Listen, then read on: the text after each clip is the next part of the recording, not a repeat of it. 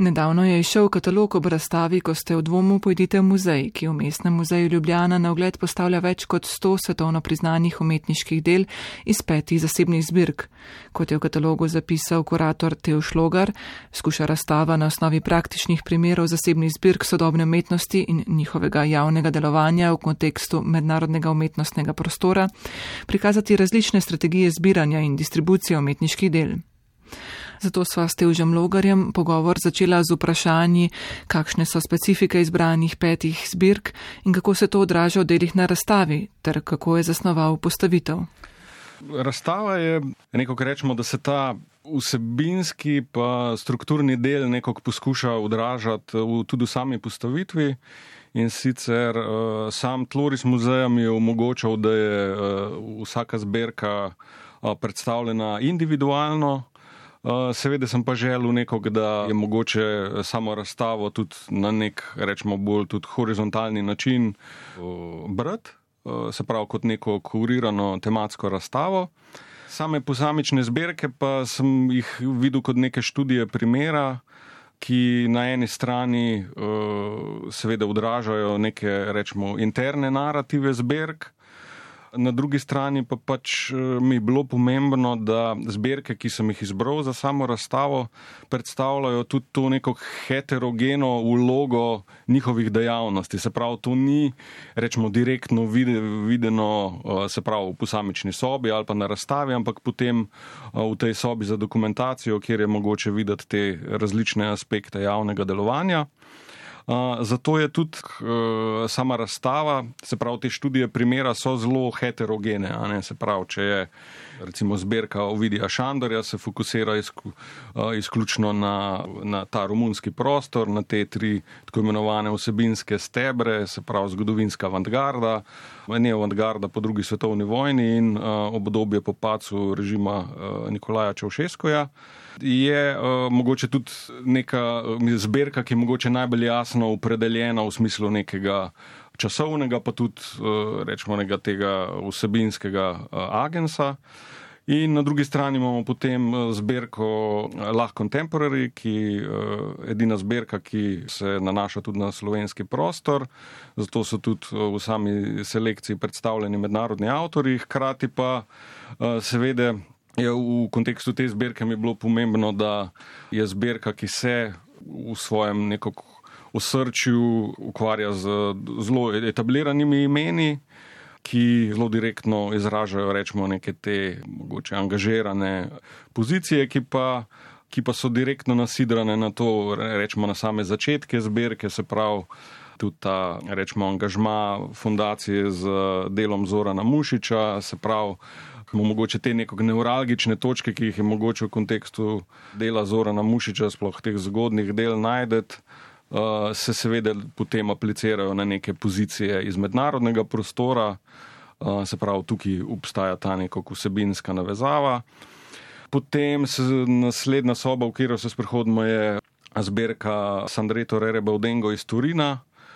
Uh, in sicer tukaj sem se odločil, da združim v bistvu dva narativa zbirke. En je sami začetki, se pravi podpora lokalnim italijanskim umetnikom, se pravi zbirka je bila ustanovljena v 90-ih letih in je direktno podpirala takrat še rečemo neetablirana imena, kot so recimo Mauricio Catalan ali pa Eva, Eva Marisaldi, ampak je zelo hitro ta zbirka prerasla v ta nek mednarodni aspekt ki se je pa v teh začetkih, se pravi, nekako fundamentih ukvarjal.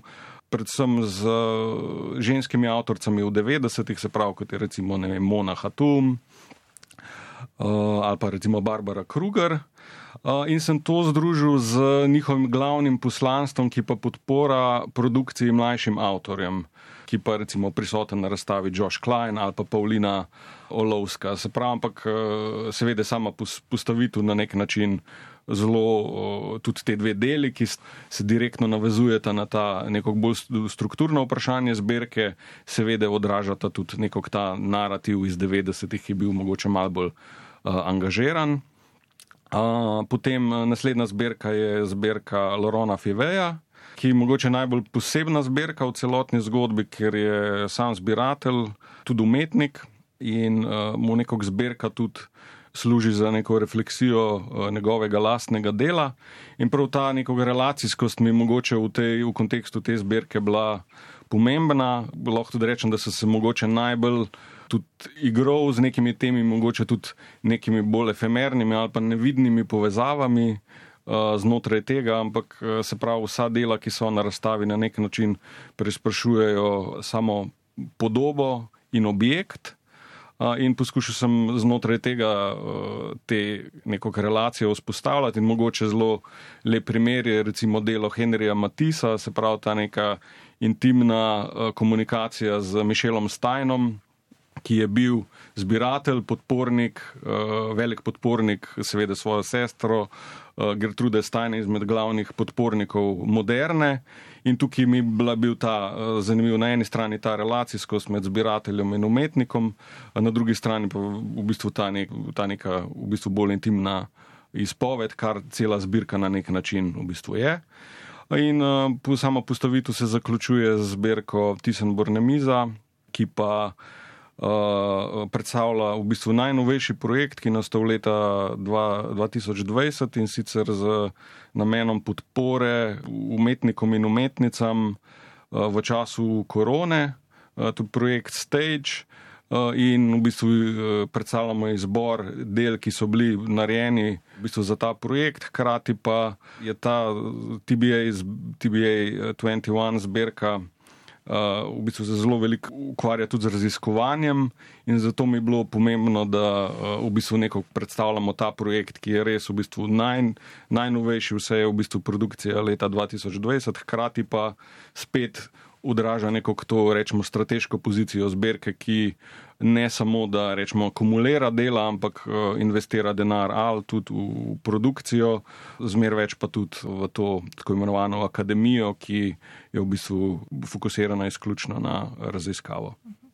No, ob ogledu razstave opazimo, da je ta precej nasičena, tu je veliko del in sama sem to povezala po svoje, pa tudi z neko pomankanju boljšega izraza pozitivno naravnanostjo. Namreč, kljub temu, da vključena dela tematizirajo tudi družbene nepravilnosti ali težke teme, imam občutek, ki je verjetno povezan tudi s samim naslovom, da gre za neko afirmiranje moči umetnosti.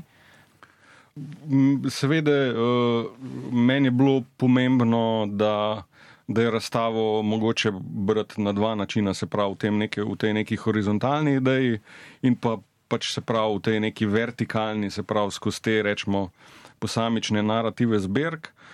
Tukaj moramo v bistvu povdariti, da razstava, da ni to mogoče stoprocentna projekcija nekih mojih kuratorskih afinitet, ampak sem poskušal res zbirke nekako tako objektivno obravnavati, zato je tudi ta moja priprava razstave, v bistvu, ki je trajala rečemo dve leti. Prvi del je bil komunikacija, z, sem imel na, se pravi, na listi, zbirki so me. Uh, zanimale je bilo približno 15 zbirk, in potem je to skozi to leto raziskave, komunikacije, ne dialoške, ampak samo v smislu, da so mi dajali materijale za uh, informacije o zbirkah. Bil zelo pomemben, da sem poskušal objektivno se pravi pristopati k zbirkam, na drugi strani pa je pol to drugo leto, sem pa jih povabil k dialogu, se pravi in predstavil projekt in, če, in v bistvu pristali so vsi na sodelovanje in potem je šlo tukaj za neko izmenjavo. In uh, definitivno uh, je pač glavna, glavna nit, kako sem tudi njih v bistvu prepričal, zakaj bi oni v bistvu imeli interes sodelovati na razstavi, kjer so vključene tudi druge zbirke, je bila prav ta zasnova, se pravi, da se stvari vsebinsko prepletajo, hkrati pa eh, v bistvu omogoča razstava tudi neko to, rečemo, prepoznanje notranje logike posamične zbirke. Prav to je bil verjetno tudi velik izziv, namreč kako skozi nek omejen nabor umetniških del predstaviti zbirko in kako hkrati naj se ta nabor uklaplja v celotno razstavo. Ja, mislim, to je v bistvu bil zelo, zelo velik izziv, zato ker treba je tukaj povdariti, da recimo zbirka Sandreto Rereba v Dengo ima v svoji, svoji kolekciji več kot vem, 3000 del, 2000-3000 del. narediti, rečemo, neko smiselno zgodbo, je uh, v bistvu bil kar velik izziv. In tukaj je bilo po eni strani z vsako zbirko, sem po, v, v dialogu prišel do ene točke, kjer so mi na nek način dal kart blanche. Kar sem smatral kot neko mogoče gesto zaupanja, na drugi strani je bila pa to zelo velika odgovornost, ker so seveda vsi rekli, da ja, ampak mi bomo to seveda mogli avtorizirati. Ne? In potem nekog, da iz teh, ne vem, recimo 2000 del izvlečeš nekaj, kar, kar bojo oni podpisali, da njih reprezentira, ne? je pač bilo, uh, je bil v bistvu precejšen izziv. Tako da uh, sem, ja, v bistvu, seveda, v tem procesu je treba povedati, da tako eliminiraš dela, ki recimo formalno ne morejo v prostor, dela, ki so logistično prezakomplicirana, recimo spoh za ta čas korone, ki imajo neke določene pogoje, ja. ki jih moraš zagotoviti. Uh, ampak ja, uh, v bistvu nekako sem vesel, da nam, da nam je v bistvu uspel z nekimi takimi manjšimi kozmetičnimi popravki z, z, z njihove strani. Katera pa so bila tista dela, za katere ste najprej vedeli, da jih želite vključiti na razstavo? So kakšna taka, ki so že zelo zgodaj postala del izbora? Mislim, to so recimo mogoče bolj neki taki subjektivni elementi. Ja, jaz recimo Brankuš mi je uh, recimo en izmed, bi lahko rekel, vem, petih umetnikov, ki jih, ki jih imam najraje. Tudi ko sem potoval po Romuniji, sem poskušal videti vse, kar se da v kontekstu Brankuža, tako da seveda to je skozi nekje tako prisotno, ampak eh, na drugi strani si pa tega nisem smel dovoliti, ker nisem želel, da na nek način neka moja osebna želja kompromitira nek, nek izbor, ampak recimo tukaj se je uh, zadeva ne, v bistvu izšla. Tako da nisem, v bistvu zbirke sem. Uh, zelo dobro poznal, ne, zato ker sem pač se nekako poglabljal v njih. Nekateri izmed njih so mi celo dali dostope do, do svojih baz, tako da sem res v bistvu lahko dobil v pogledu vse. Ampak uh, ja, tukaj nekako sem res mogel biti previden, pa velikrat človek je v skušnjavi, ampak sem poskušal, da tega ni. No. Sej nisem mislila morda samo zgolj v tem subjektivnem smislu, ampak tudi, da so se nekatera dela že hitro izkazala kot primerna za orisovanje tako eh, narative posamične zbirke, kot da se vklapljajo v celoten. Ja, kontekst, seveda, ne? seveda. Ja. To je tako skozi proces, eh, definitivno se je to nekako izrisalo ampak dokler se pravi, ni, ni bil jasen notranji, ta notranja zgodba zbirke. V bistvu si na nek način, uh, nisem, se pravi, lahko rečem, da sem imel rečemo neko več nivojev del, o katerih smo potem uh, komunicirali. No. Ampak tako, ja, recimo, se zgodijo, tak, recimo, to delo, delo Mone Hatum, sem ga celo uživo videl uh, v Turinu in mi tako, se me zelo dotaknilo, pa je skozi to nekje tako veselo in je recimo zelo hitro se v bistvu znašlo na moji listi želja. Uh, ampak seveda smo to potem v, v dialogu recimo, potrdili. No. No, eden izmed ključev za izbor prav teh petih zbirk je bil tudi to, da imajo neko javno delovanje. Torej, po eni strani izpostavljate pomen zasebnih zbirk za javnost, po drugi strani pa verjetno tudi javno predstavljanje zbirk tem dviguje nek pomen, neko vrednost tudi. Ja, seveda, mislim, jaz privatne zbirke ne vidim nič drugače kot recimo javne institucije ali pa knjige, eh, sejma, dražbe, a ne, se pravi vse kar nekako vidimo kot sistem umetnosti, seveda pripomore tudi sami valorizaciji umetniškega dela. Ne, se pravi, uh, ne, in tukaj imamo spet različne kategorije. Če je delo predstavljeno v muzeju moderne umetnosti, v MOMI pomeni nekaj. Če pa delo uh, predstavljeno v galeriji Škuc, pa spet uh, pomeni nekaj, ne? za to valorizacijo. Ne govorimo uh, o kvaliteti umetniškega dela, ne? to ni govor, ampak sam pač način, na kakšen uh, pač sistem funkcionira. Ne? Tudi vrednost umetniškega dela oziroma neke prakse je seveda zelo odvisna od tega, kaj, kaj piše v, umetnik, v biografiji umetnice ali pa umetnika. Tako da definitivno je, mislim, ampak recimo zbirkam.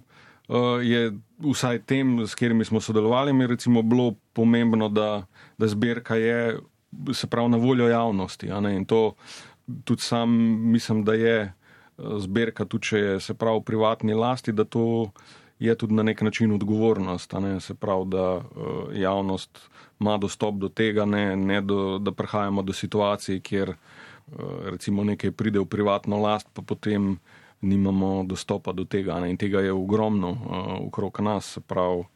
Uh, in uh, se mi zdi, da to ni, ni dobro. Kako pa sami ocenjujete vpliv zasebnih zbirk na vrednotenje umetniških del, pa ni stanje v ekonomskem smislu, ampak tudi tem uh, simbolnem, ne? oziroma imate imajo zbirke tudi neko vpliv na produkcijo, nekatere prav neposredno spodbujajo produkcijo, ne, druge ja, bolj se, posredno. Seveda, ne, jaz mislim, da tukaj mogoče je treba narediti to neko distinkcijo. Se pravi, eno je vpliv, rečemo, zbirke na produkcijske pogoje, ne, kar je direktno seveda tudi zapisano znotraj teh poslanstv, tudi v primeru, recimo, zbirke so tukaj prisotne, mm. če je to, recimo, kontekst Ovidija Šandorja, ki organizira bienale, ki na nek način pogojuje, da, da na tem bienalu sodelujejo romunski umetniki. In se, se pravi, bienale tudi občasno dela nove produkcije z romunskimi umetniki. In na drugi strani, recimo, eno izmed glavnih poslanstv Sandreto fundacije prav to, ne, se pravi, podpora uh, mlajši produkciji ali pa recimo TBA 21. To je en segment, se pravi, direkten vpliv na produkcijske pogoje. Na drugi strani pa seveda ta nekog uh, valorizacija oziroma vpliv je velikrat tudi nesnoven. Ne? Se pravi, okay, en, eno je direkten ekonomski vpliv, rečemo za nekega umetnika, ko mu odkupijo delo, drugo je pa skozi različne druge dejavnosti, ki so bolj nesnovne, kot so vem, strokovni sveti. Ne, recimo Tate Modern ima svet eh, v bistvu zbirateljev, ki v eni določeni točki vstopi v dialog z, z strokovnim osebjem eh, muzeja in se pač skupaj odločajo o. O, o morebitnih odkupih, od tega, da nekje pride potem do donacij, se pravi, ne te neko odnosi so v bistvu precej zapleteni. Tudi če gledamo recimo ne, v Ameriki spet nek sistem, ki veliko bolj bazira na tem privatnem, kjer recimo javni programi so odvisni od tega, koliko denarja bo prišlo od kje. Se pravi, to na nek način niso nedolžne stvari. Tako da se je tega treba zavedati se mi zdi tudi pomembno, da če že pač imamo tako razstavo, da odpiramo tudi te teme in poskušamo urisati te neko pozitivne in seveda lahko tudi problematične aspekte, če pride do rečemo, zlorabe teh razmerij moči. V Sloveniji je skoraj že pregovorno govorimo o slabem umetniškem trgu. Ne? Predem še več rečeva o tem, sem pomislila tudi, kako pa to vpliva tudi na sama umetniška dela ali morda zato nastajajo kaj drugačna dela, oziroma kakšen je nek tak uh, vpliv tega dejstva, o katerem ne nekno govorimo?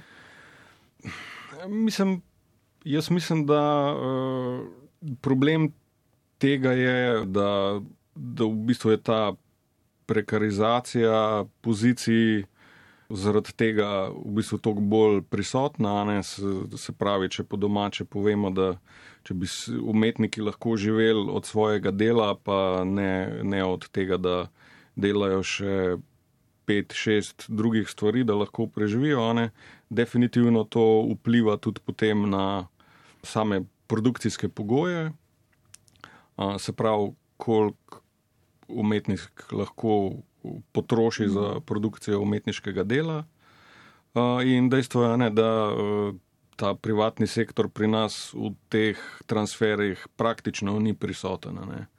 Tako da ne govorim samo o privatnih zbirkah, ampak govorim tudi o rečemo, nekih inicijativah, fundacijah, ki, primer recimo TBA 21, recimo ta projekt Stage je bil v celoti v bistvu financiran, ampak niso, bili, niso bili, bila vsa dela odkupljena za zbirko. Ne, mm. a ne, in tukaj imamo spet dva, dva kanala financiranja. En kanal je v bistvu sam ta raziskava, se pravi nekaj, kar. V bistvu ostane umetniku, ostane delo umetniku, na drugi strani pa pač ja, neka dela so vstopila tudi v samo zbirko preko odkupa.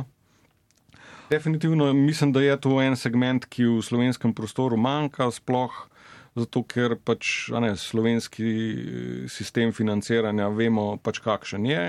Mislim, da bi to lahko pozitivno eh, v bistvu vplivalo na sama razmerja, zdaj pa eh, seveda je pa to ključno, ključno vprašanje, sploh v kontekstu slovenskega prostora, je vprašanje kulturne politike. Včasih dobimo občutek, da se kulturna politika počuti, da, da more, more biti kreativna, ne pa da dela to, kar bi v resnici mogla, se pravi, zagotavljati neke pogoje ne, za produkcijo, refleksijo, karkoli. Tako da mislim, da je to v bistvu ključen problem in sploh je to v kontekstu mehkih držav, kot je Slovenija, še toliko bolj pomembno, se pravi, te, rečemo, neko strateške, uh, strateške odločitve, ki jih uh, sprejema Ministrstvo za kulturo ali pa recimo mestna občina Ljubljana, ne, v bistvu zelo, zelo direktno uh, vpliva tudi, tudi na to. In, uh, mislim, da na tem področju stvari niso bile v bistvu dobro narejene, sploh ne na način, da bi komunicirale z nekimi pravili, ki obstajajo v mednarodnem prostoru, ki nujno pač morajo biti v te, te strateške odločitve uh, vključeni, zato ker Slovenija ni, naprimer, Italija, ki na nek način. Avtarkična, specifična, pa lahko deluje dokaj samozadostno. Slovenija more komunicirati z mednarodnim prostorom, če želi biti eh, prisotna na trgu. Ali so to umetniki, ali so to uh, galerije, ali je to, uh, rečemo, nek ta polje zbirateljstva. Ne. Prav to razmerje med nacionalnim in mednarodnim se mi zdi tudi nekaj, o čemer lahko razmišljamo pri različnih zbirkah, ne na zadnje pa tudi pri zbirki Lah Contemporary, ki je edina slovenska zbirka vključena na razstavo. Namenjeno je bo tudi nadaljevanje oddaje. Moče za konec še kaj o tem umeščenosti Slovenije v neko regijo in trgu v tej regiji. Dejstvo je, da ta prostor jugovzhodne Evrope je v tem nekem tržnem aspektu res minimalen. Ne? Če eh, recimo preberamo te eh, reportaže franšize Art Basel, ki vsako leto analizira te tržne vrednosti globalno, ne, praktično eh, to področje ne obstaja, kar pomeni, da vemo pa, da se transakcije v našem prostoru dogajajo in to je dejstvo, da je vse na nek način sekundarni trg. Ne. To je v bistvu definitivno problem, ne.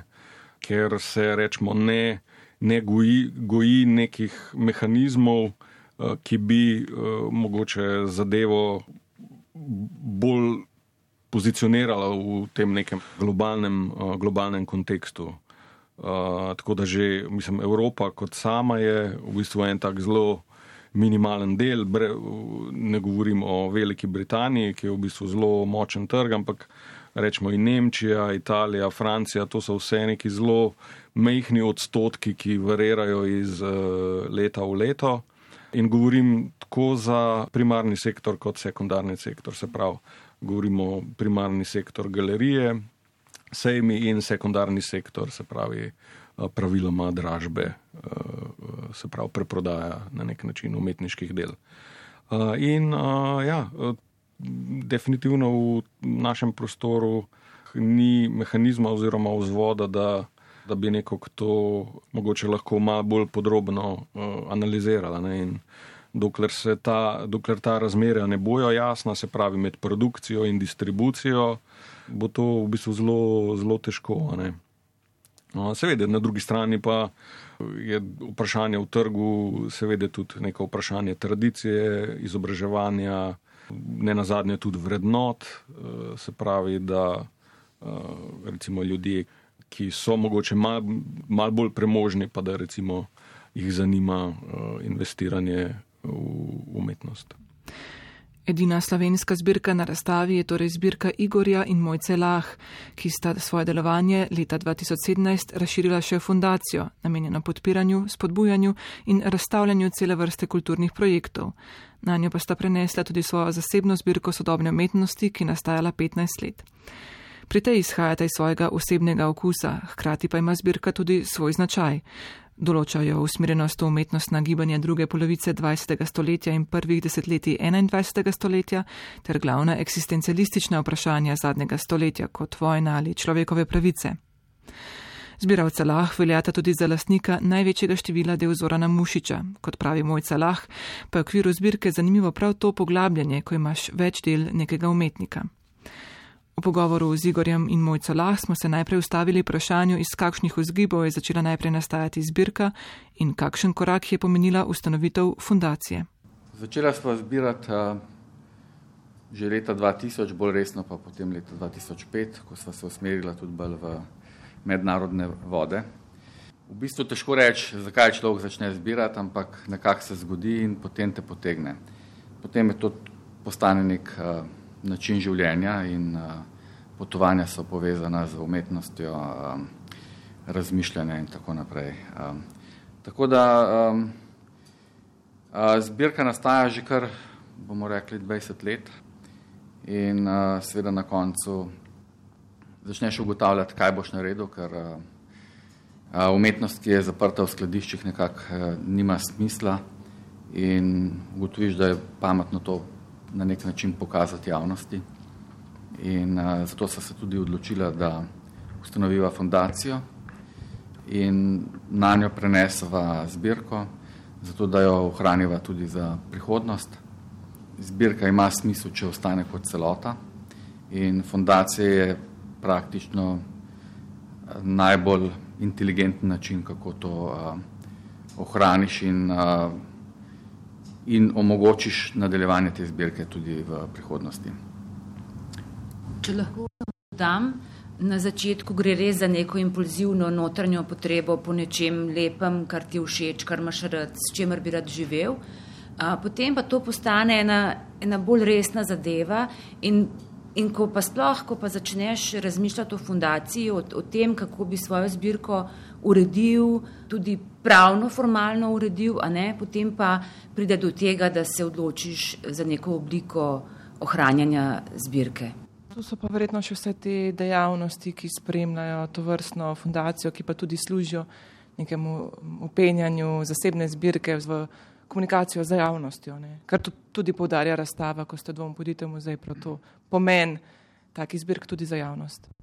Ja, dejansko, v bistvu, ko zbirka enkrat preraste v okvir ene ali dveh hiš, kamor bi lahko postavil, uh, jo postavil, uh, potem dejansko postane neka, se bom izrazil kot institucija. In uh, kot tako jo mora seveda potem tudi obravnavati in to potegne za sabo seveda dodatno delo, ki ga lahko uh, na nek način narediš samo, če ga institucionaliziraš. In dejansko si nisem predstavljal, da lahko postane tako kompleksno, ampak očitno je to nek naraven razvoj, razvoj te smeri. Mogoče, če opišemo tendence vaše zbirke, preberemo tudi v obrastavnem katalogu, da jo zaznamujeta predvsem dva vidika. Katera sta ta dva vidika in zakaj prav ta dva? jo lahko krajše predstavite? Ja, v bistvu je zanimivo, ker zbirka nekako je nastajala spontano. Potem, ko je bil, bom rekel, okvir zbirke že določen, pa se ozreš nazaj in opaziš, da dejansko se zbirka dotika določenih vprašanj, ki so bila pomembna za 20. stoletje. Tako recimo nacizem, čas vojne, apartheid, človekove pravice in dejansko Sedaj, ko je zbirka več ali manj uh, zaokrožena, uh, se je pokazalo, da um, se večina del dotika tega. Je pa tudi res, da včasih um, kakšno delo ti pritegne pozornost in mogoče ni v tem kontekstu, pa ga vseeno vključiš ven. Um, mogoče še kakšna beseda o delih, ki so trenutno na ogled na razstavi, ko ste od dvomov pojdite v muzej, v mestnem muzeju Ljubljana.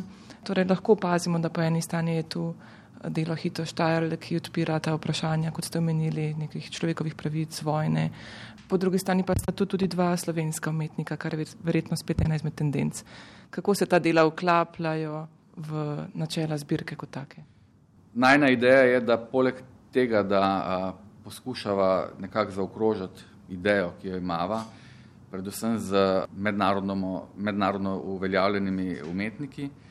Je drug vidik zbirke to, da podpirava sodobno slovensko produkcijo in vsako leto poskušava dodati kakšnega mladega ali pa uveljavljenega slovenskega umetnika. In Teo se je tudi odločil, da proba pokazati tudi ta vidik. Nama se zdi pomembno, da glede na to, da sva Slovenca, da je zbirka v Sloveniji, da poskušava podpreti tudi slovensko produkcijo. Gotovo je tu tudi neka odgovornost take zbirke, taka podpora, ima na vse zadnje vpliv na samo produkcijo, verjetno tudi na to, kako se uh, kanonizira neke umetnike, kakšno vrednost imajo, ne samo čisto na neki uh, ekonomski ravni, ampak tudi v našem dojemanju. Ja, sem že opazil, da uh, v bistvu marsikomu je zadovoljen, če, če ga vključijo v zbirko. A, tako da očitno nekateri prepoznajo, da je to, da je to pomembno in mislim, da potem, ko bo tudi postavljen muzej, bo seveda to pomenilo nek dodaten a, vzgon za marsikoga od teh, ki bojo pač vključeni tudi a, v zbirki. Jaz sem mnenja, da zasebna zbirka, ki je postavljena na ogled, lahko veliko pridoda prostoru, splošni javnosti, recimo tudi strokovnim študentom, um, da lahko pač imajo ta v neko, neko zasebno razmišljanje. S tem ne pomeni, da tekmujemo z javnimi ustanovami ali kakorkoli, ampak se mi zdi, da je to lahko k večjemu neka velika dodana vrednost v prostoru. In da je to na nek način pomembno, da tudi zasebni zbiravci pokažemo javnosti nekaj splošnih svojih vidikov. Torej, smo spet pri tem vprašanju pomena zasebnih zbirk za javnost. Mogoče še kakšna beseda o tem, ne moč tudi v galeriji TR3. Kakšen je ta odnos med javnim in zasebnim, kaj pa po drugi strani tudi pomeni za zbirko, ki stopa v neko vidnost.